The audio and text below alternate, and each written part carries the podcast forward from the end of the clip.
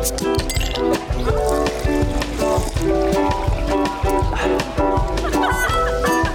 morsomt. Øh, godt det snart er fredag.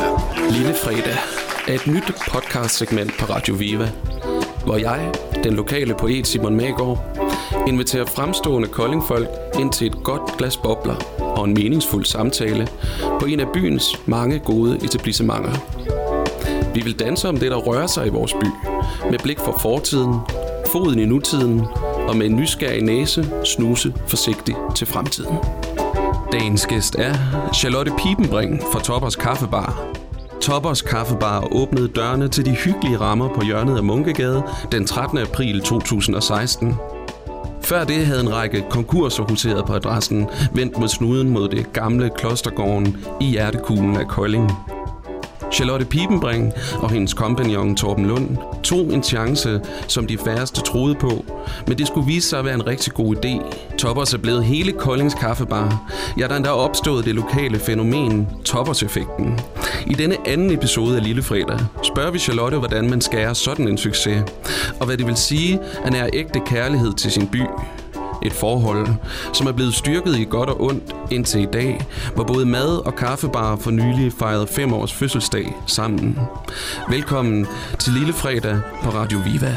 Øh, godt det snart er fredag.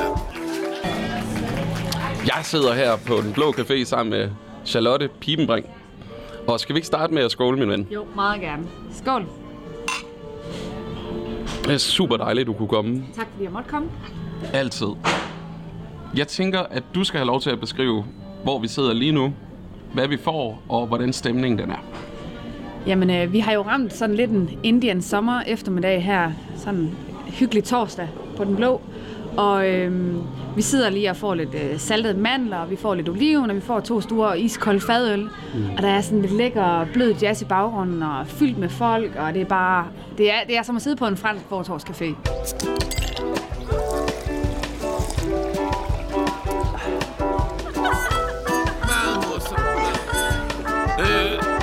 Det snart er fredag. Fantastisk poetisk øh, præsentation, du laver der. Hvordan har du det med på sådan en uh, torsdag eftermiddag at sidde og, og sippe en lille fadøl? Uh, er det en synd for dig, eller er det helt fint? Jamen altså, jeg har sådan lidt, så længe man, øh, så længe man nyder det, så længe det ikke bliver en last, eller et behov, man har, mm. så, øh, så synes jeg egentlig, man skal have lov til at gøre, hvad man har lyst til, om det er at drikke, eller ryge, eller hvad man har lyst til. Så længe man gør det, fordi man synes, at, at det er noget, man hygger sig med, og igen, når det ikke er et behov, man har, det ikke er nød, men det er lyst, så har jeg et meget afslappet forhold til sådan noget. Altså, jeg, jeg bliver sådan helt... Jeg får skuldrene fuldstændig ned lige nu, og får den der følelse af, at, at på en eller anden måde, så er der en hel masse ting, der bare giver mening i mit liv, når du siger det der. Jeg har jo en svigermor, som øh, altid har sagt til mig, Simon, prøv at høre her, jeg dømmer dig ikke på, hvad du indtager, øh, hvem du er, hvad du gør. Det handler simpelthen om, at, at alt, hvad der sker på den regning, det er noget, som at det må have været et behov. Så det må være noget, du dækker. Altså, du mærker selv bedst efter ved at øh, sige, hvad har jeg brug for lige nu? Og hvis det er en fadøl, så er det, du skal have. Enig, enig. Det er jo de der, altså de der bånd, man lægger på sig selv. Jamen, selvfølgelig igen, hvis det er en, hvis det er en, en last, man har, jamen, så skal man selvfølgelig have styr på det. Og hvis det fylder for meget i ens liv, selvfølgelig skal man have styr på det. Mm. Jeg har også selv haft øh, alkoholisme og sådan noget tæt på, på mig.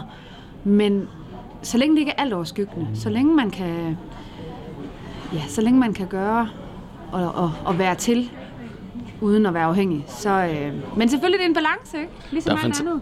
Fuldstændig. Ja. Der er fantastisk mange ting, man kan være afhængig af, og øhm, så er man i, i større eller mindre grad. Nogle er bevidste om det, nogle er ikke. Nogle arbejder med det. Det er en meget alvorlig snak, vi meget tidligt kommer ind på. øhm, nu, lige nu, øh, der ser jeg så herover til min øh, højre side øh, Jette stå med en, med en hund. Og det kan jo også være en afhængighed, at have en, øh, en sød ven, øh, som øh, man kan gå en tur med. Øh, har du oplevet andre former for spændende afhængigheder i din tid, som øh, for eksempel kaffebarholder? Ja, altså det øjeblik, du siger afhængighed, jamen der kan jeg ikke lade være med at tænke på, at jeg er jo dybt afhængig af mit arbejde. Jeg er... Altså jeg lever under for mit arbejde, og grænsene til måske, øh, måske for meget af det gode. Og, og det er... Øh, det, det går måske til tider hen til at være alt dominerende i mit liv. Og det er også en balance for mig. Det er en... Øh, det er hele tiden at skulle opveje, jamen, hvad er arbejde, og hvad er fritid, og hvad er venner, og hvad er familie. Altså, fordi alle dem, der kommer ned ved mig, det er jo mine venner, det er jo min familie, det er jo, min, altså, det er jo mit liv, ikke? Så hvornår er man for meget på arbejde, og øh, hvornår er man afhængig af det, man laver, ikke? Og, og jeg tror, at øh, jeg er mindst lige så afhængig af, af mit arbejde, som en narkoman er af sit fix.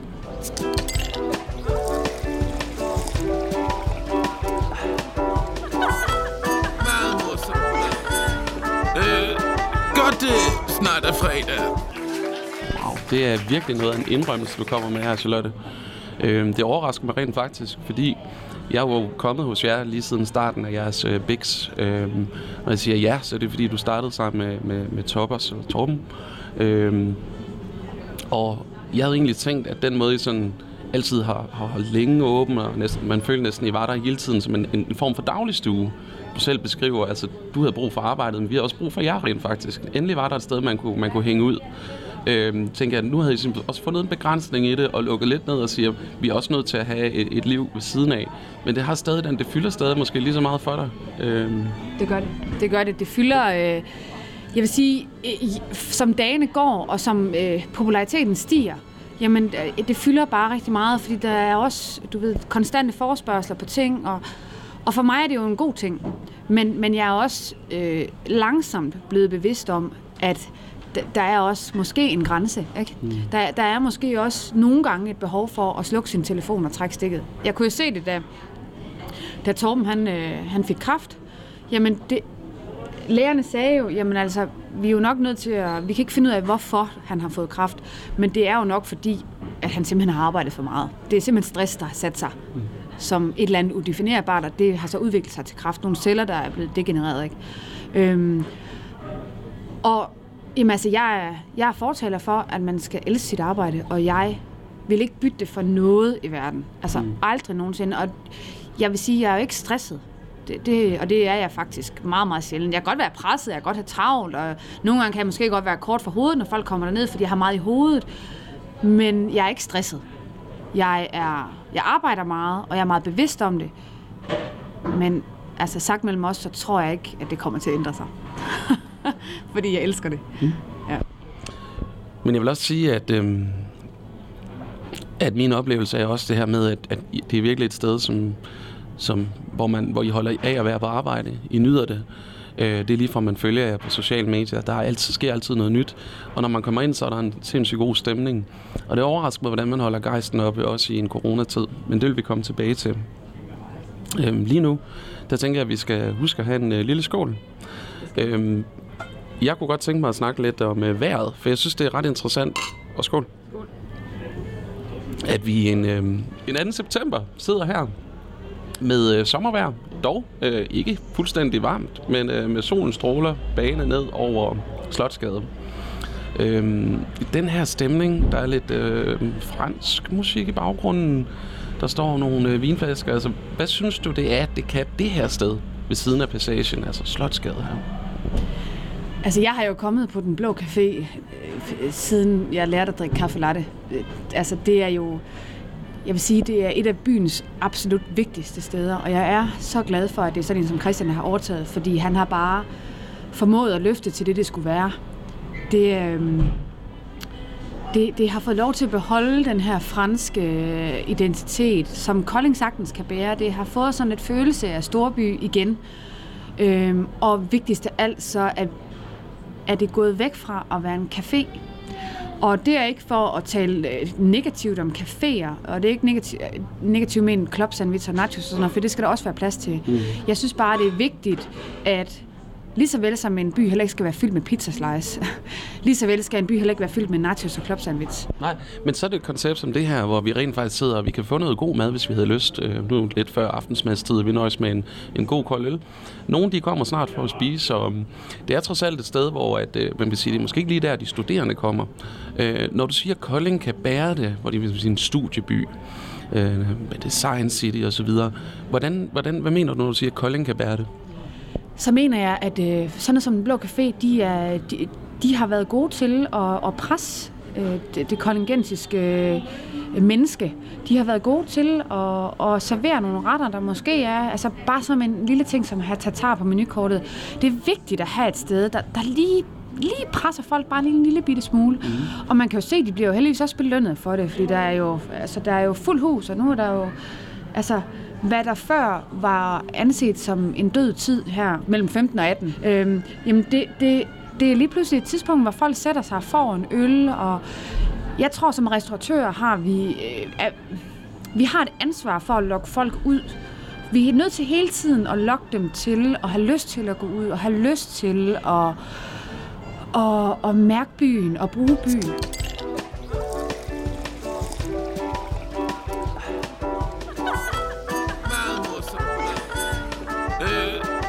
At det snart er fredag.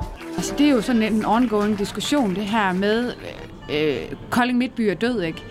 Øh, men det, det er så ja, det er så en længere diskussion, som vi kan tage en anden dag, tror jeg. Men Kolding Midtby for mig er ikke død.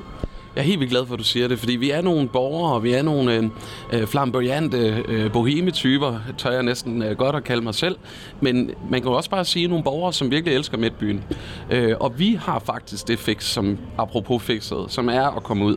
Øh, det kan være lige fra at komme ned og få en kop kaffe om eftermiddagen efter arbejde ned hos dig, øh, til at tage ud og få lidt at spise, fordi vi vil gerne nyde vores Midtby. Den er rent faktisk smuk, øh, og der er mange velfungerende steder med passionerede mennesker.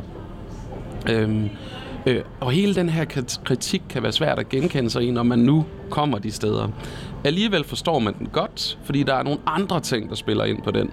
Øhm, jeg kunne godt tænke mig at høre, hvad din status er på det her med Kolding-projekt Midtby, som defilerer i medierne, øh, de lokale medier. Øh, jeg ved, du selv har været sindssygt aktiv på at gøre noget for Kolding, øh, som ikke nødvendigvis var noget som helst over profit i for dit vedkommende. Hvad er det for et drive? Altså, jeg tror måske, det er den største ild, der er i mig. Det er Kolding som by og midtbyen generelt. Jeg har selv jeg har været i butikserie for blive center i mange år, og jeg elsker også centeret. Det er ikke fordi, at centeret er noget dårligt. Problemet er lidt, at nogle gange der bliver centeret talt ned, som om at de stjæler kunder fra midtbyen, og det, det ser jeg på ingen måder. Fordi det er to forskellige behov og to forskellige segmenter, der bliver... Men der bliver jeg nødt til at afbryde dig, øh, fordi der er jo trods alt rigtig mange butikker, der åbner og, og lukker, øh, og der er desværre nogle tomme, øh, lidt for mange tomme vinduer. Øh, så man må sige, at den sluger nogle ting. Men hvad, hvad er det så, øh, du mener med det? Jamen altså, Øh, igen bliver jeg nødt til at sige, at, at det er ikke, altså, det er simpelthen ikke det samme, øh, det er simpelthen ikke den samme kunde, der kommer i midtbyen, som kommer op i centret. Jeg synes, jeg synes bestemt også, at vi mangler nogle butikker nede i midtbyen, men, men hvem er vi til at pege fingre? Vi kan jo bare selv åbne de her butikker, ikke? Vi, det, det, det ligger os jo ikke... Øh, altså, vi, vi, vi, vi kan sagtens selv være øh, øh, drivkraft for at åbne en skobutik, eller en, en interiørbutik, eller hvad vi har lyst til. Det nemmeste i verden, det er at sidde og pege fingre. Men den der den der, altså jeg bliver nødt til at give dig ret i den der bohemian følelse, du får af at være, gå rundt ned i midtbyen, ikke? Altså en dag som i dag, september, solen skinner, alle er sådan lidt cool og lidt afslappet og lidt lækre, og vi er, har en by fyldt med designskolestuderende, der alle sammen ser lidt lækre og lidt sprøde ud, ikke? Altså, det hele er sådan lidt frit, og du ved, øh, der er ikke nogen, der går med behov, og det hele er sgu sådan lidt, øh, lidt lækkert, ikke? Mm. Der bliver jeg nødt til at sige, det kan Midtbyen bare, og, men det kan man kun opleve, hvis man er i Midtbyen. Mm. Hvis man sidder hjemme bag sin skærm og brokker sig over, at butikkerne lukker, og så mange tomme butikslokaler er der heller ikke.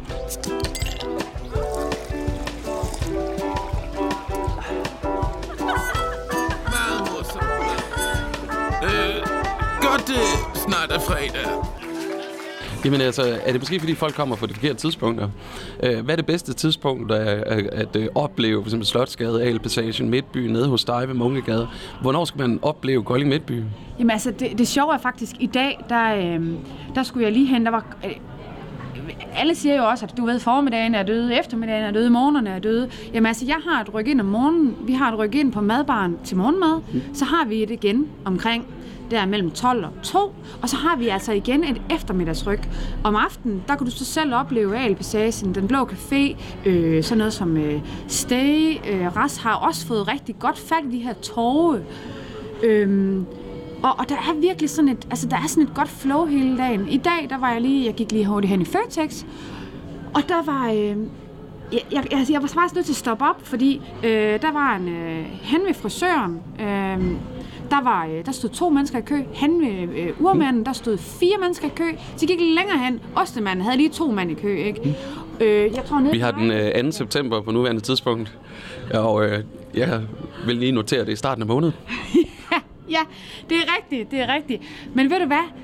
Jeg har ikke lavere omsætning i slutningen af måneden, end jeg har i starten af måneden. Altså, der er simpelthen... Selvfølgelig kæmper vi alle sammen med næb og klør, fordi det er corona, og, fordi, og det snakker vi også om. Selvfølgelig skal vi lige ind på det, fordi det har betydet, betydet rigtig meget for os. Men jeg kan simpelthen ikke, jeg kan simpelthen ikke genkende det billede, som, som nogle gange bliver øh, fremprovokeret lidt, tror jeg, jeg vil kalde det. Det, det er sådan lidt... Øh, det bliver lidt talt op. Vi taler meget om, øh, jeg sidder i bestyrelsen i Cityforeningen, og vi taler meget om det der med, at måske er det også på, tids, på tide at tale vores midtby op. Vi har måske, hvad jeg mener, er en af Danmarks smukkeste midtbyer. Vi har Koldinghus liggende vidderligt lige her. Vi har et klosterkvarter, hvor vi har en gammel, altså så ved jeg godt, der bliver bygget ovenpå det, men vi har så meget historie. Vi har en gammel smuk losbygade, og så ved jeg godt, at der ligger nogle grimme butikker indimellem og sådan noget. Men vi kunne måske også vælge at kigge op og se på, at der er en smuk facade, hvor der er en svan, der kommer ud af, eller en gammel, altså øh, at der er så meget gammel historie. Altså nu har jeg lige øh, fået en ny kæreste, og han kommer fra Horsens, og han viser mig jo også Kolding med nye øjne, ikke? og han siger, hvor er Kolding bare smuk. Hvor er Kolding historisk og smuk, og hvor er du ikke bare glad for at bo i den her by? Det er sådan et, jo, det kan jeg love dig for, jeg er. Det er rigtig spændende for mig, når du fortæller om øh, jamen, din kærestes indtryk af byen, nu når han er sådan, at Kolding er nyt for ham. Øh, er der nogle ting, han fremhæver, som han siger, det er altså mit yndlingskolding lige nu? Øh, kan du nævne nogle ting, som han sådan siger, wow, Øhm, ja, det kan godt være, at det måske virker sådan lidt, øh, lidt, lidt, lidt spøjs at sige, men han siger, at alle folk de smiler altid sådan her. okay. Altså, der er virkelig... Øh, vi, vi kommer meget i midtbyen, vi bruger meget i midtbyen, vi går meget ud og spiser og sådan, og han siger, at folk er bare så glade, og øhm, selvom der har været corona, og selvom der har været... Altså, der, der er bare sådan en rigtig god vibe her. Og jeg tror virkelig... Jeg vil sige... Øhm, mit eget indtryk er, at turisterne i år har været ek- ekstremt behagelige, fordi at de har alle sammen haft en rigtig god oplevelse af Midtbyen. Fordi der er virkelig bare... Det, det er sådan... For mig, det at gå ned i Midtbyen, det er ligesom at få sådan en historisk kram, ikke? Det er virkelig... Øh, du har den her... det- Du har det her... Altså, jeg, jeg er heldig hjemme fra min egen have, kan jeg se Koldinghus. Hver evig eneste dag tænker jeg, hvor er vi bare heldige, at vi har det her. Og der er du også heldig rent personligt. Jeg har hørt, at en, øh, en have med udsigt til Koldinghus, øh, den øh, koster 1 million ekstra, i hvert fald grunden. Så øh, der er du godt dækket ind. Øhm, Det kræver det, at jeg står på tæer. Det ved jeg ikke, men... Øh, okay, jamen det, der var ikke med i salgsannoncen til den tid.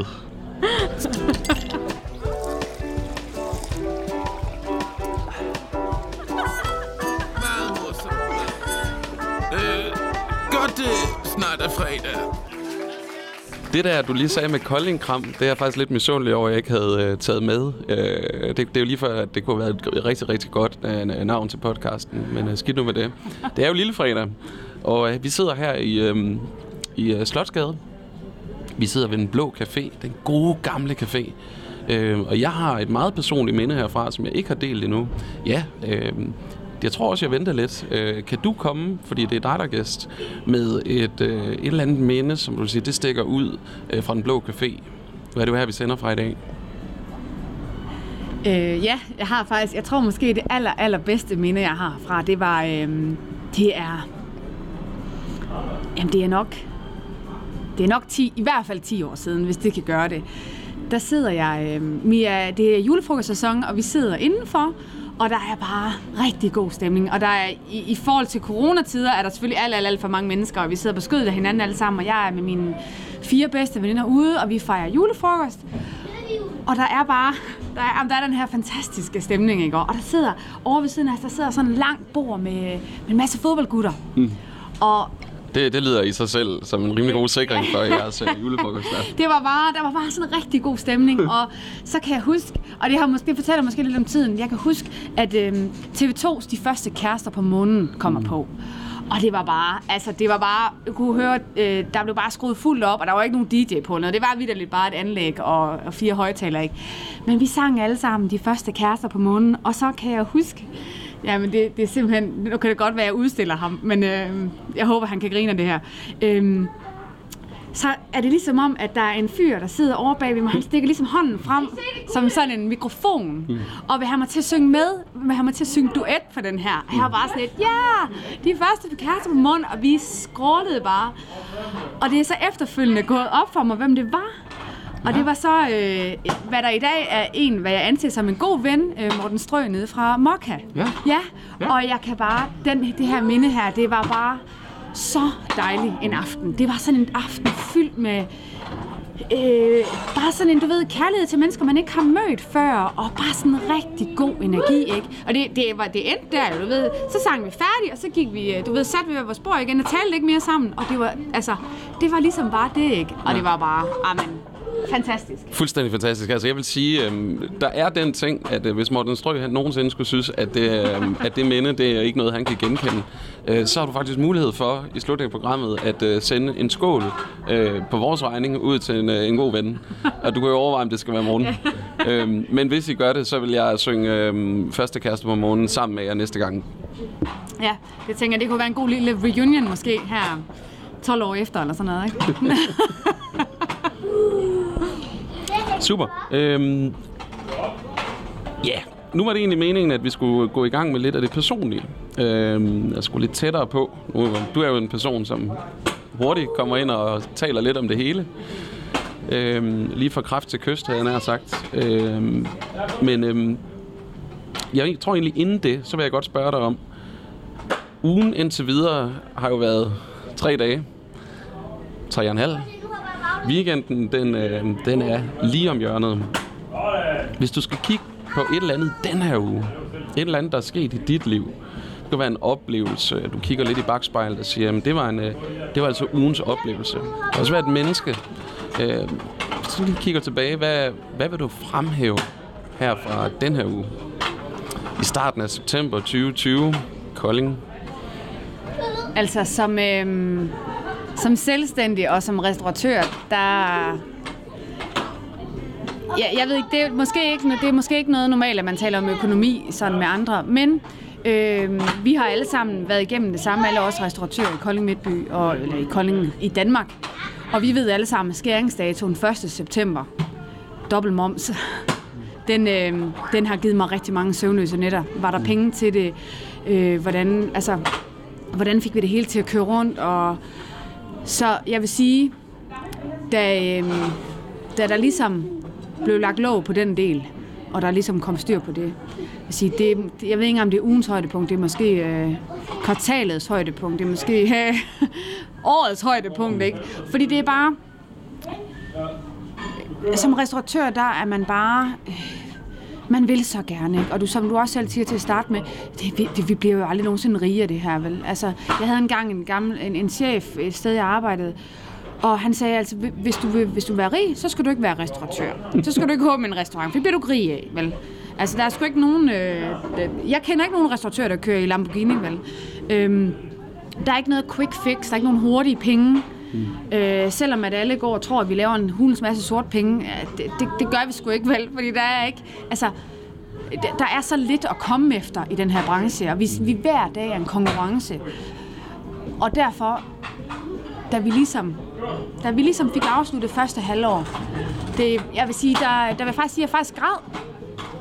Ja, jeg, jeg græd faktisk af glæde, fordi det var bare, den sten, den var bare, åh, oh, den var, den var rar for skuldrene. Det var den. Jeg synes, det er sindssygt modigt, at du tør at bringe det på banen.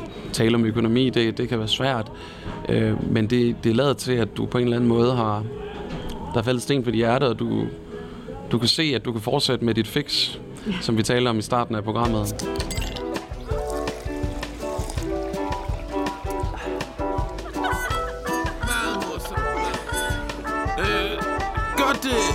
Er fredag. Hvad betyder det for din forretning her øh, fremadrettet mod jul? Det, det som, øh, uden at gå ind på tallene, det som der så har er gået op for dig? Jamen altså, øh, det, det skal jo ikke være nogen hemmelighed, at, øh, at, at vi er ekstremt presset. Og, og, og vi, vi er kommet over den her humpel ved hjælp af banken. Altså, de har hjulpet os godt på vej, og vi har bare en bankrådgiver, der virkelig har været forstående og god. Og, men det gør bare, at jeg... Fordi vi var også lidt, om skulle vi lade det hele stige, og så, du ved, så bare miste lidt vores identitet af at være, være low cost, ikke? Men, men det er sådan lidt, nej, nu, nu vi fortsætter, fordi det vi gør, det er rigtigt, ikke? Vi har, jeg vil sige, vi har tidligere, vi, faktisk, da, da vi egentlig rammer corona, der var vi faktisk øh, ved at, øh, der, var, der var vi vidderligt nærmest lige kommet os over den her økonomiske krise, vi var i på grund af Torbes kraft. Mm. Øh, vi, vi, vi havde lige øh, et halvt år, hvor vi begge to var nødt til at trække stikket og ikke arbejde stort set, fordi at jeg ville selvfølgelig også gerne være der for ham. Fordi det, altså selvom vi er, nu er vi så eks, eks kone og eksmand, men, men jeg ville jo selvfølgelig til hver en tid stadig være der for ham. Og der, der kræver det nok den info, at, øh, at Charlotte og Torben startede øh, hele Toppers-konceptet sammen, øh, som senere blev til Toppers Kaffebar og Toppers Madbar, øh, hvor at, øh, at Torben han blev, han blev syg. Øh, det var, det var skide alvorligt, og der var ikke... Øh, altså vi alle sammen vi fulgte med og støttede jer, fordi vi elskede virkelig det, jeg skabte sammen. Øh, jeg kom ud på den anden side sammen, øh, og som rigtig øh, gode venner og ja, til dels forretningspartner i dag. Øh, så vidt jeg, ja. jeg ved. Men øh, og, og det, altså heldigvis øh, venskabet og forretningen er intakt. Mm. Øh, øh, det er jo sig selv en kæmpe øh, succes. Ja, jamen, fuldstændig. Altså jeg, jeg vil sige, selvom jeg er eternal optimist, så, så var det, jeg troede ikke på det, men ved hjælp af venner og familie og vores ansatte, vores ansatte løftede en kæmpe, kæmpe byrde der. Øhm, der, der, jamen, der lykkedes det, og det var egentlig det, der var vi sådan lidt, okay, da vi rammer de her 2020, og vi egentlig rammer, øh, øh, jeg vil sige, da vi, da vi når til de der ja, januar februar, der var vi sådan lidt, okay, nu, øh, nu, nu er det nu, nu kører det. Mm. Og så ramte bussen os bare ikke. Mm. Så vil sige, vi havde bare ikke problem med, at vi havde ikke nået at oparbejde den her buffer, fordi vi vidderligt lige, mm. vi var lige blevet færdige med den her kraftknude, tror jeg, jeg vil kalde den, ikke? Mm. Den økonomiske kraftknude mm. var vi lige blevet færdige med. Mm. Og så så kom corona. Så kommer den her, det her enorme, som du siger, ramt af bussen. Det er som om, man bliver ramt af, først ramt af et, et, et tog, ikke? og så bliver man ramt af en bus og tænker, det, det, her, det, det kan simpelthen ikke passe. Øh, men der er ikke, nu kan vi ikke rejse os op længere. Og så, så sker der dog det nu, øh, som det lader så kalde det et øh, skateboard, der, øh, der er landet her i den her uge. Kom ind og, og løftede øh, i hvert fald op og sagt, shit mand, det, det virker som om, at I er kommet igennem, eller hvad? Og I kan fortsætte med, med, det, med det her fix, I elsker at drive jeres sted, ja. hvor alle, der er plads til alle, og også økonomisk.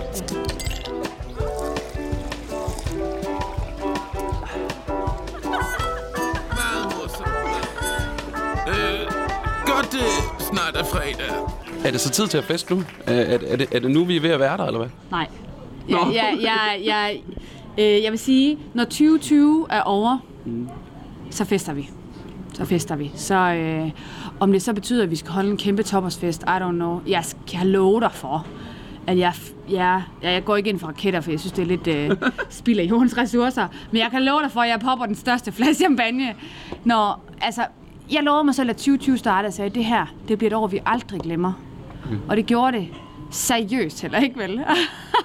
Jamen altså, jeg vil sige det på den måde, at hvis der er noget, vi alle sammen har sammen, og vi kan fortælle vores børn og børnebørn og oldebørn på et eller andet tidspunkt, så er det jo den grad, at vi har været sammen øh, hver for sig, for at bruge en floskel efterhånden, om øh, noget fuldstændig ekstremt. Altså, kan nærmest sammenlignes med at have været en del af besættelsestiden. Ikke? Øh, hele verden lukker ned. Øh, hvem, hvem, hvem, hvem prøver det? Øh, forhåbentlig så, så bliver det ikke noget med, at vi skal fortælle dem, øh, at om dengang øh, man ikke var nødt til at bruge masker for at være sammen. Fordi det håber jeg da i den grad, at det snart stopper. Men det er jo på en anden måde noget historie, der binder os sammen. Hvor er det dejligt, at vi har jer fra Toppers, Ejslotte med øh, ind på den anden side her. Det er meget betryggende at høre. Så har vi stadig sted, vi kan få kaffe og, og øh, en god stemning.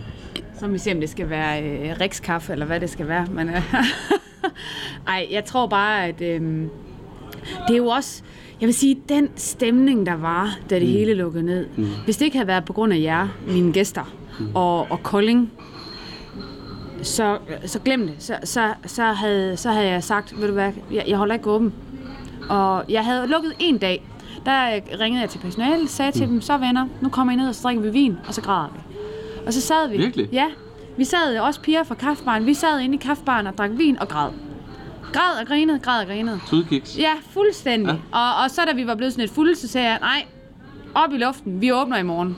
Godt, så gik vi hjem. Wow. Ja, der var sådan lidt, så kan det godt være, at vi tjener nogle penge. Men jeg, jeg, jeg kan ikke det her. Og det, selvfølgelig det er lidt tilbage til det her med det, her, det her fix, ikke? Jeg ved også godt, at min, min identitet er Toppers. Og min identitet er min kaffebar, og min identitet er mit personale, og min, det er min familie, ikke? Altså, så derfor så ved jeg også godt, at jeg var blevet en skygge af mig selv, hvis, hvis jeg skulle være gået hjemme. Der var så sindssygt meget at snakke om her, fordi nu var det egentlig meningen, at vi lige skulle have en lille pause. Men I bliver nødt til at stille dig det her spørgsmål. Øhm, fordi det er jo fantastisk, at det er blevet en identitet, og det er jo en helt fantastisk historie, at når I ligger allermest ned, så rejser jeg øh, med et glas vino og siger, vi starter fandme i morgen, selvom vi har tømmermænd. Det er jo for vildt. Altså, jeg, jeg har aldrig hørt noget lignende. Men hvad var din identitet øh, øh, før Topper så? Altså, hvis du skal sige det helt kort. Øh, der var det øh, Bianco. Jeg, øh, ja, det, det, er vist, øh, det er vist bare et ord, tror jeg. Jeg var, øh, jeg var butikschef i Bianco, og det var bare den, jeg var. Så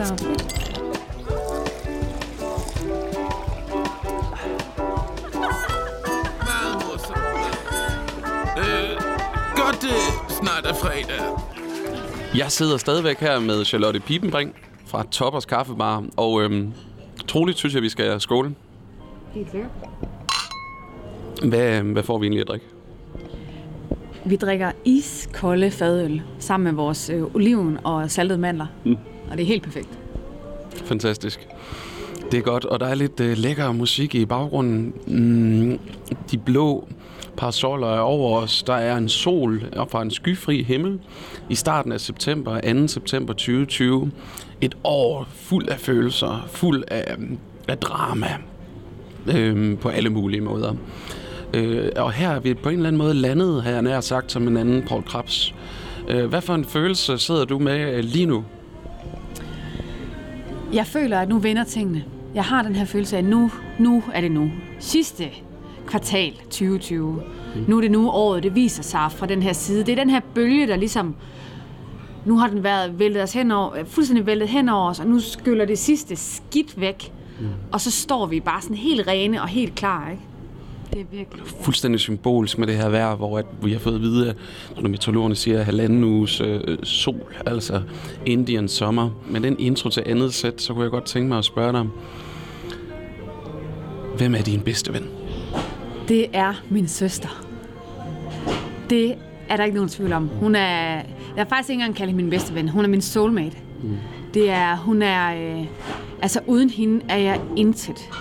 Og hun er så meget en gave til mig. Altså, hun gør mig helt. Så, så jeg er ingenting uden hende. Hvor stor er ellers forskellen på dig og din søster? Øh, to og et halvt år. Det er faktisk det samme med mig og min bror. Øh, min gode bror Jakob, som har produceret jinglen til, øh, til Lille Fredag. Øh, det, er en, det er en sjov aldersforskel. Øh, men øh, man har været sammen om alt på en eller anden måde, og man er vokset op sammen. Øh, den ene har været lidt foran den anden. Mm, hvordan er det at være storesøster? Øh, jeg ved, hun har arbejdet på Toppers. I har været med til at bygge meget af det op sammen. Øh, hvordan er den rollefordeling i forbindelse med at starte virksomhed og være søskende? Jamen altså, jeg vil sige, øh, til at starte med, der skulle vi selvfølgelig lige, du ved, det skulle lige pusses lidt af. Det skulle sådan lige, øh, det var egentlig bare lige meningen til at starte med, at øh, min søster, hun er uddannet blomsterbinder, og hun trængte lige til at prøve noget nyt. Hun skulle lige spore sig, øh, spore sig ind på, hvad der så skulle ske i hendes liv, tror jeg, jeg vil kalde det. Mm. Øhm, og så skulle hun egentlig bare have lidt vagt dernede ved mig, og vi skulle bare gå og hygge os. Og så blev vi egentlig bare, vi blev egentlig rigtig glade for at arbejde sammen, og øh, fandt ud af, at, vi, at det har vi jo hele tiden vidst, vi elsker at være sammen. Jeg tror også, din bror og dig, I har jo nok oplevet det der med, at du ved, som børn, man bed og slog og satte ild til hinanden. Og, Det er jo naturligt. Altså som søskende, altså selvfølgelig sætter man ild til hinanden. øh, Det, det er jo hele tiden et love-hate forhold. Den ene dag elsker man, den anden har lyst til at slå ihjel. ja. Altså, den ene dag, der krammer man, den næste dag, der sætter man ild til hinandens pandehår, ikke? Altså, det... Det er en mildere måde at sige det på. Jeg kan godt høre, at det er forskellen på brødre og søstre. Den visse død og den milde afstraffelse.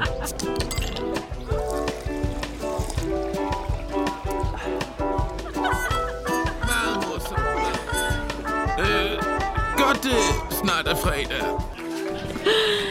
Men altså, til, langsomt har tingene jo udviklet sig, og det er jo faktisk endt med, at min søster har jo åbnet øh, Kolding Kafferisteri, simpelthen øh, som øh, udspring af, af vores kaffebar.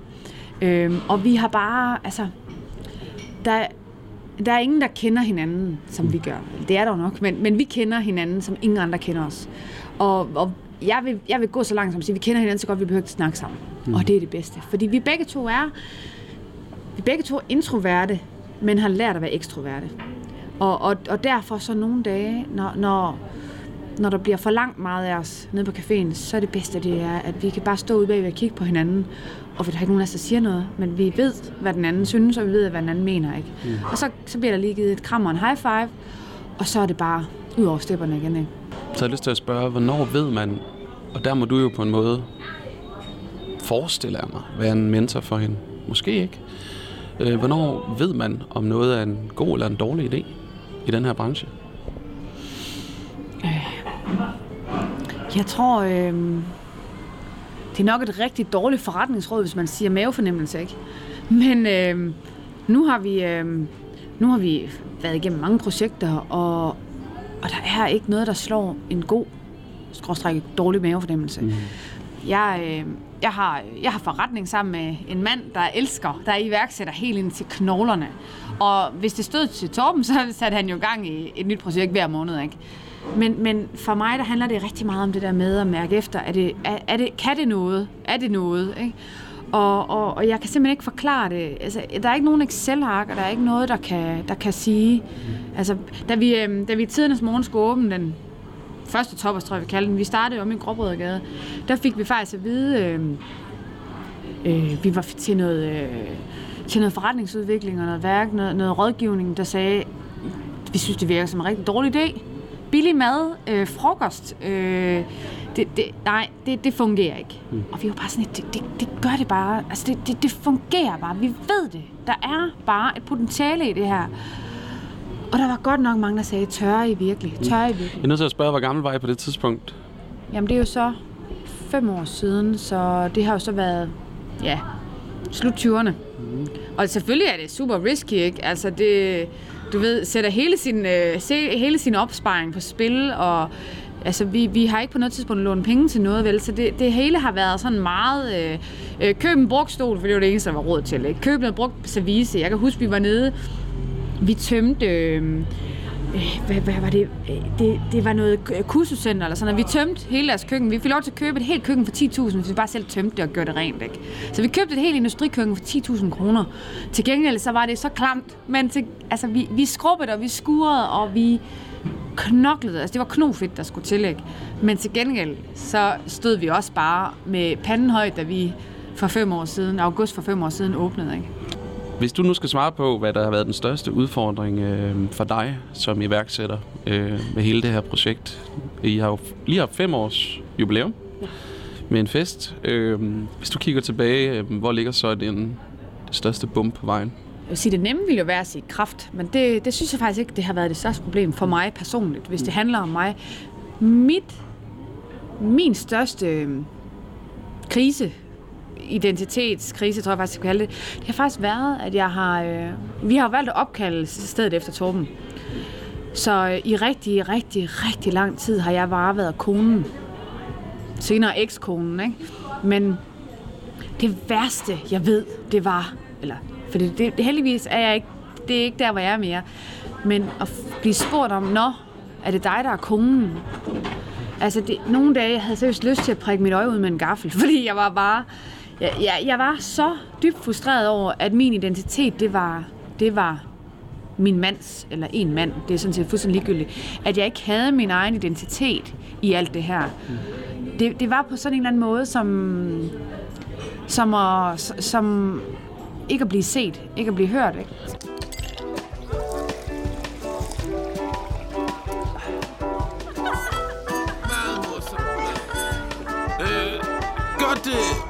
Fredag. Jeg har jo altid set det som en... Altså, du var rock mama, øh, der kostede lidt rundt med Torben. Al respekt for ham. Han laver det lækreste mad og sådan noget, men, men vi har bare set, det var dig, der var fremme i skoene på det, på det der med, at sådan ansigtet udad til. Øh, men på et eller andet tidspunkt har jeg jo så splittet det op. Hvad med den udfordring? Kan du beskrive, sætte nogle ord på den? Jamen altså, jeg synes faktisk egentlig, at det har, øh, det har gået øh, forholdsvis smertefrit. Øh, allerede inden vi egentlig blev skilt, jamen der var tingene rimelig delt op. Altså vi, jeg har ingen overhovedet nogen viden inden for mad, og, øh, og, og Torben øh, øh koncentrerer sig om maden, så det vil sige, at hans interesse er ikke for kaffe og den del. Øh, Efterfølgende har vi så gået lidt hver i, sådan, i hver vores spor, hvor jeg måske er gået mere i, i City-delen. Jeg sidder i bestyrelsen i Cityforeningen, og øh, det, som vi tidligere snakkede om, det er det, det mit hjerte brænder for, Midtbyen. Hvor, øh, hvor Torben er måske gået øh, øh, mere øh, eventvejen. Øh, han, han har taget sig enormt meget af at få skabt en, øh, en, en, en scene, øh, en stand-up scene, en jazz scene, en, øh, altså, vi har jo ekstremt mange events, og han er sindssygt dygtig til at afvikle dem, så det har ligesom været hans fokus, ikke? Lidt mere øh, indad til. Øh. Samarbejder I også øh, på lige fod om eventsene? Fuldstændig. Vi, vi, altså, vi, er jo, øh, vi er jo et CVR-nummer, og vi er, vi er en forretning, ja. Øhm, men, men på daglig basis, der har vi, øh, vi har vores eget personale, vi har hver vores måde at køre det på.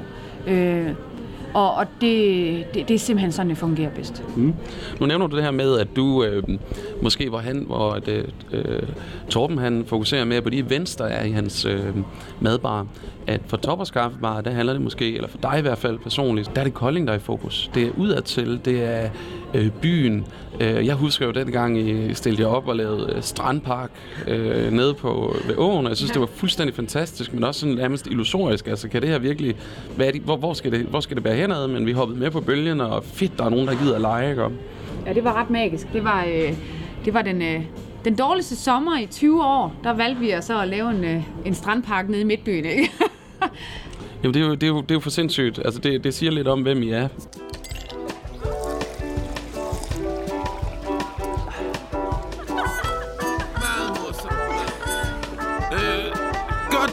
snart er fredag. Så i forhold til det her med, at du er, hvad skal man sige, Mrs. Kolding, øh, du kigger ud og se, hvad, at du, det er jo fuldstændig tydeligt, du elsker den her by, øh, og står 100% inden for den. Øh, hvad er Koldings største udfordring, PT? Øhm, Koldings største udfordring, det er, og det kan godt være, at jeg træder nogle år tæerne ved at sige det her, men det er simpelthen øh, dårlig omtale fra borgerne selv. Hmm. Det, jeg, jeg, jeg ved godt, at det er... Det var meget ærligt. Ja, det er et minefelt at træde på. Jeg ved det godt.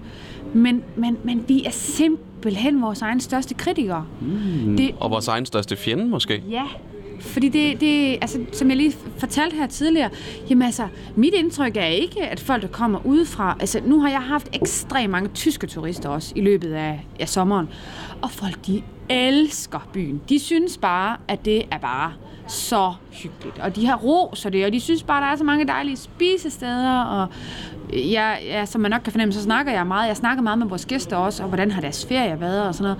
Og de synes bare, det er bare sådan en skøn by, ikke?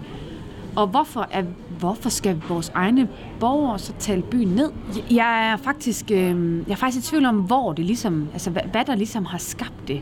Øh, det er også lidt den der følelse af, at, øh, at så skal vi, øh, enten så er vi Kolding Storsen, eller vi Kolding Midtby. Vi kan, ikke, vi kan ikke bare være glade for, at vi har begge dele. Vi er velsignet med måske, altså vi har en, vi har en, en handelsbalance, der siger, hvad det 167 procent, det vil sige, at der er langt flere penge, der kommer ind i Kolding, end der kommer ud af Kolding. Hvorfor er det, vi ikke kan være begejstret for, at vi har et, et storcenter, der hiver ekstreme mængder mennesker til, samtidig med, at vi har en midtby, der er historisk og der er smuk, ikke? Hvorfor er det, at der, der bliver fokuseret på de ekstra antal tomme butikslokaler, der er, i stedet for at gå ned og give den lokale restauratør eller butiksejeren en kæmpe high five. Mm. Det kan du jo nemt sige, når Toppers det jo er, altid nærmest har været øh, populært lige fra starten. Altså. Jamen, altså, jeg er helt enig, og det er bare, altså, man er nødt til at være på hver dag. Altså, det, det er en evig kamp. Nu er jeg sådan, jeg vil sige, jeg er så småt ved at være der, hvor jeg er heldig, at folk kommer igen, uden jeg behøver at gøre det helt store. Men altså, jeg har stået, øh, altså jeg kan huske, at jeg, de, de første to år, jeg havde åbent, der kunne jeg nogle dage stå fra, øh, jeg kom kl. 7 om morgenen, jeg gik hjem kl. 23, ikke? hvor jeg måske omsat for 2.000 kroner. Ikke? No.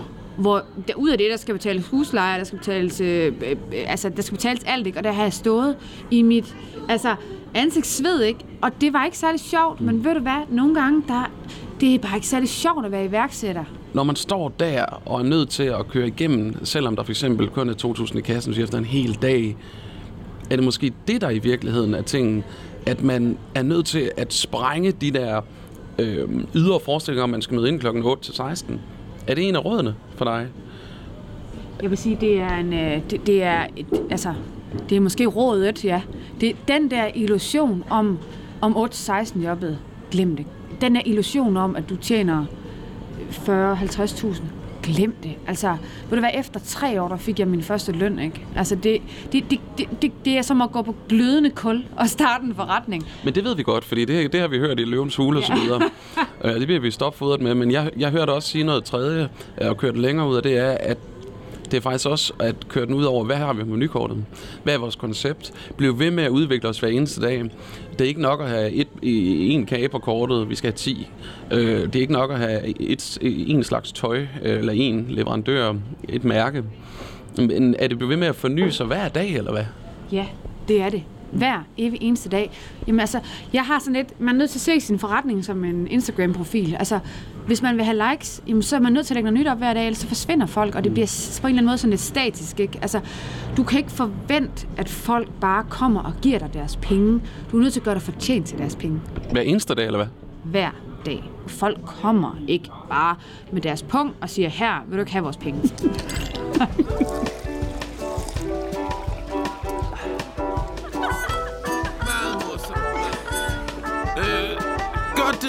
snart er fredag. Så kunne jeg jo godt tænke mig at spørge dig rent personligt. Er Toppers og alt det, I nu er i dag, er det dit kald? Eller er der en drøm om noget andet, og noget mere, eller noget mindre? Jeg er faktisk nået dertil, hvor jeg er faktisk ligeglad med, hvad titlen er. Fordi jeg har også, du ved, mange år tænkt, skulle jeg være borgmester, eller skulle jeg være citychef, okay. eller skulle jeg være, hvad skulle jeg være? Mit kald, det er at gøre noget for Kolding. Det, det, okay. Jeg ved godt, at altså, jeg har jo, jeg er jo, øh, jeg har venner og familie og så videre, der er flyttet til Aarhus og København og Odense og sådan noget. Jeg kunne ikke forestille mig at være nogen andre steder end her. Kan du virkelig sige med hånden på hjertet, at du ikke øh, nogle gange har nogle, øh, nogle øh, forbudte drømme om at flytte til Aarhus eller København? Det kan jeg love dig for. Altså, jeg, jeg, jeg skal så sige, at jeg har haft en uh, idé om, jeg kunne godt tænke mig at flytte til Portugal eller Italien og have sådan en lille bed and breakfast og gå og plukke vin. Og, eller et, ikke plukke vin, men plukke vindruer og så lave min egen vin, ikke? Jeg vil også gerne plukke vin. Og spise ost, og du ved, blive sådan lidt uh, rund, og der var ikke nogen, der kiggede skævt til en, fordi man var sådan lidt, havde lidt en bred bagdel. Men vidderligt, jeg vil bare så gerne have, at Kolding... Min største drøm, prøv at tænke og for, prøv at forestille dig, at Kolding bare blomstrer og får den her... Øh, jeg har ikke lyst til at sige Aarhus vibe, fordi Kolding skal være sin egen. Vi skal ikke være en kopi af Aarhus eller København. Vi skal være vores egen, ikke? Hvad er det, der gør, at, at du vil Kolding så meget? Altså, er I kærester, der er Kolding? Jeg vil sige, at vi er soulmates. Det var Anne, du var det med. Men øh, jeg tror godt, man kan have to soulmates. Så man kan have en øh, søster og en by. Ja. Det er smukt. Hvad, øh, hvad har du for en følelse inde i lige nu? Jamen altså, øh, måske som vi talte om tidligere, jeg synes bare, det kan godt være, det fremstår en, en anelse selvisk. Jeg synes, det er rart måske en gang imellem at snakke om mig. Altså, det, det, jeg synes, det er hyggeligt, at der er nogen, der gerne vil vide, hvem jeg er, og spørge lidt ind til mig. Hvis du, som dig, øh, du siger helt alene i morgen, når du lukker din kaffebar, øh, skal ud og have en lille en. Øh, der er måske nogen, der sidder derude og synes, der er lidt langt til fredag eftermiddag. Hvad skal de gøre ved den følelse? Jamen altså, de skal bare... De skal tage deres lille øh, lommepung, og så skal de tage deres øh, øh gyldne 20 kroner, og så skal de gå ned i midtbyen, og så skal de bare bruge løs. De skal bare, de skal gå hen på Rafaels og få en pizza og drikke et glas rigtig godt vin. De skal gå ned i Alpassagen og få en iskold fadøl. Så skal de gå op til onkel Toms og få nogle spare ribs. De skal gå over på det nye vietnamesiske sted. Og så skal de gå ned på stage og få en, øh, være en del af deres rosé lounge. De skal bare ud. Jeg synes i hvert fald, at øh, det burde på en eller anden måde være sådan, hvis man ikke lægger nogen kroner og øre i Kolding Midtby, så burde man faktisk ikke have lov til at have en holdning til, hvad der er, der foregår. Da kæft. Det er, det er meget livet af posen. Hvis du var borgmester, hvad ville det første være, at du øh, indfører i byen? Hvis jeg blev borgmester, mm. så vil jeg insistere på, at alle uddannelsesinstitutioner havde en eller anden form for tilknytning til Kolding. Det vil sige, at de skulle som minimum hver semester løse en opgave for øh, kommunen, for virksomheder, for midtbyen. Og det er på en eller anden måde noget, der skulle øh, være tydeligt for, for borgerne, fordi altså, vi er en studieby, vi er en designby, vi er jo begge vi er enige om, dig og mig, at det er ikke tydeligt, at vi er en designby. Og det er ikke tydeligt, at vi er en studieby. Vi skal bare have de der studerende, dem skal vi have, vi skal, vi skal se, hvor de er, vi skal se, hvem de er, vi skal se deres identitet. Så kan det godt være, at det bliver nogle skæve, sjove, mærkelige projekter. Men for Sørensen, hvorfor er det, vi ikke udstiller Designskolens øh, afgangseksamen i en butikslokale? Hvorfor er det, vi ikke øh, øh, Hansenberg? Hvor er de henne i midtbyen? Hvor er øh, alle kokkeleverne? Hvor er frisørerne? Hvor er øh, blomsterbinderne? Ikke? Altså, vi skal bare... Jeg vil insistere på, at de var så tydelige. Og tak for dit råd, øh, frøken borgmester. Pipenbring. øhm, at du også har taget et digt med, for du er jo så kultiveret et menneske, at du har kunne i møde komme mit øh, ønske. Som, un, øh, eller, som, øh, som koldingspoet, så, øh, så kan jeg ikke lade være med at spørge om det spørgsmål. Og jeg er glad for, at du har en lille papirlap med. Du har lagt den under din, øh, dit ølkrus. Nu har du taget den ind under din øh, lyserøde beklædte negle. Øh, om lidt vil du løfte sløret for stor poesi.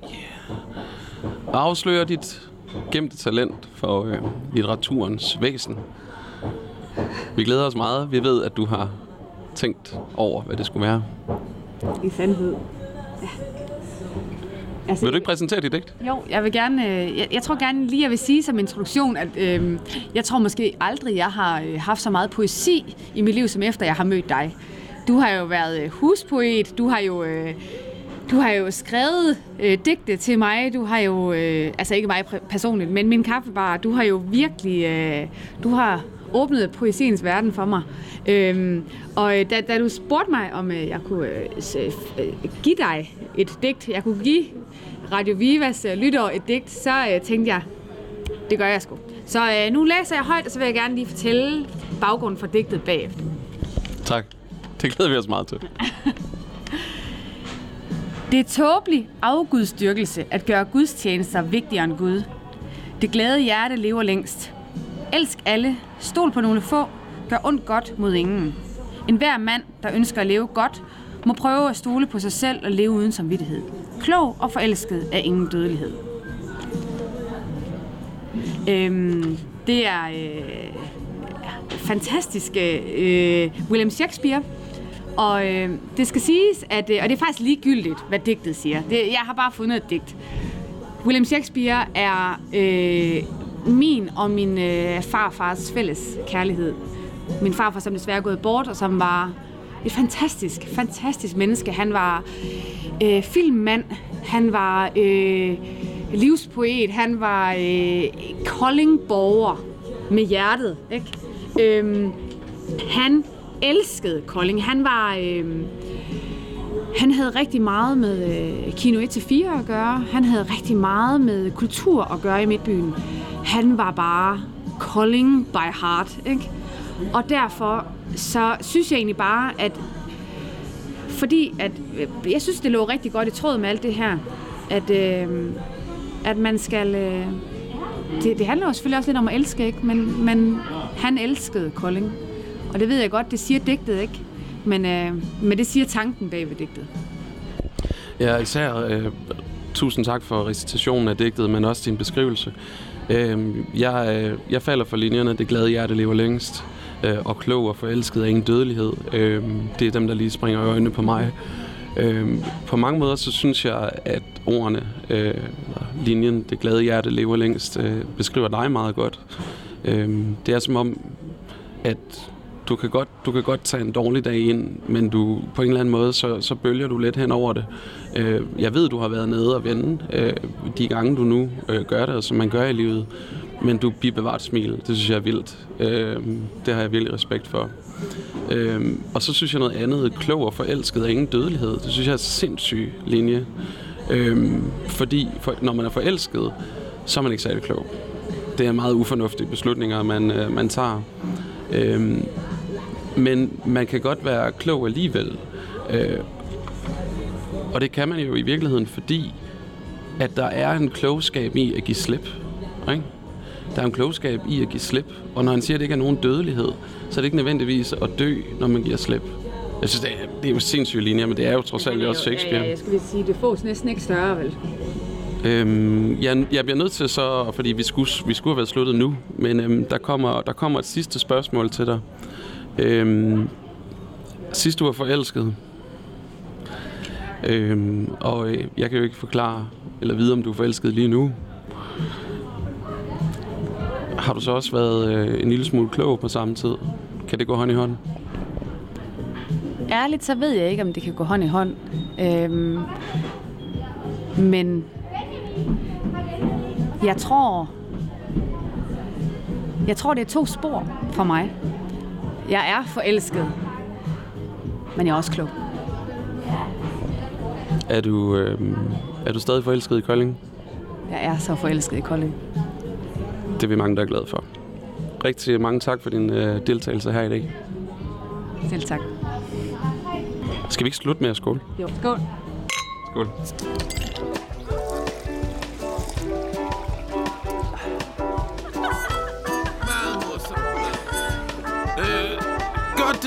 Meget morsomt. Øh,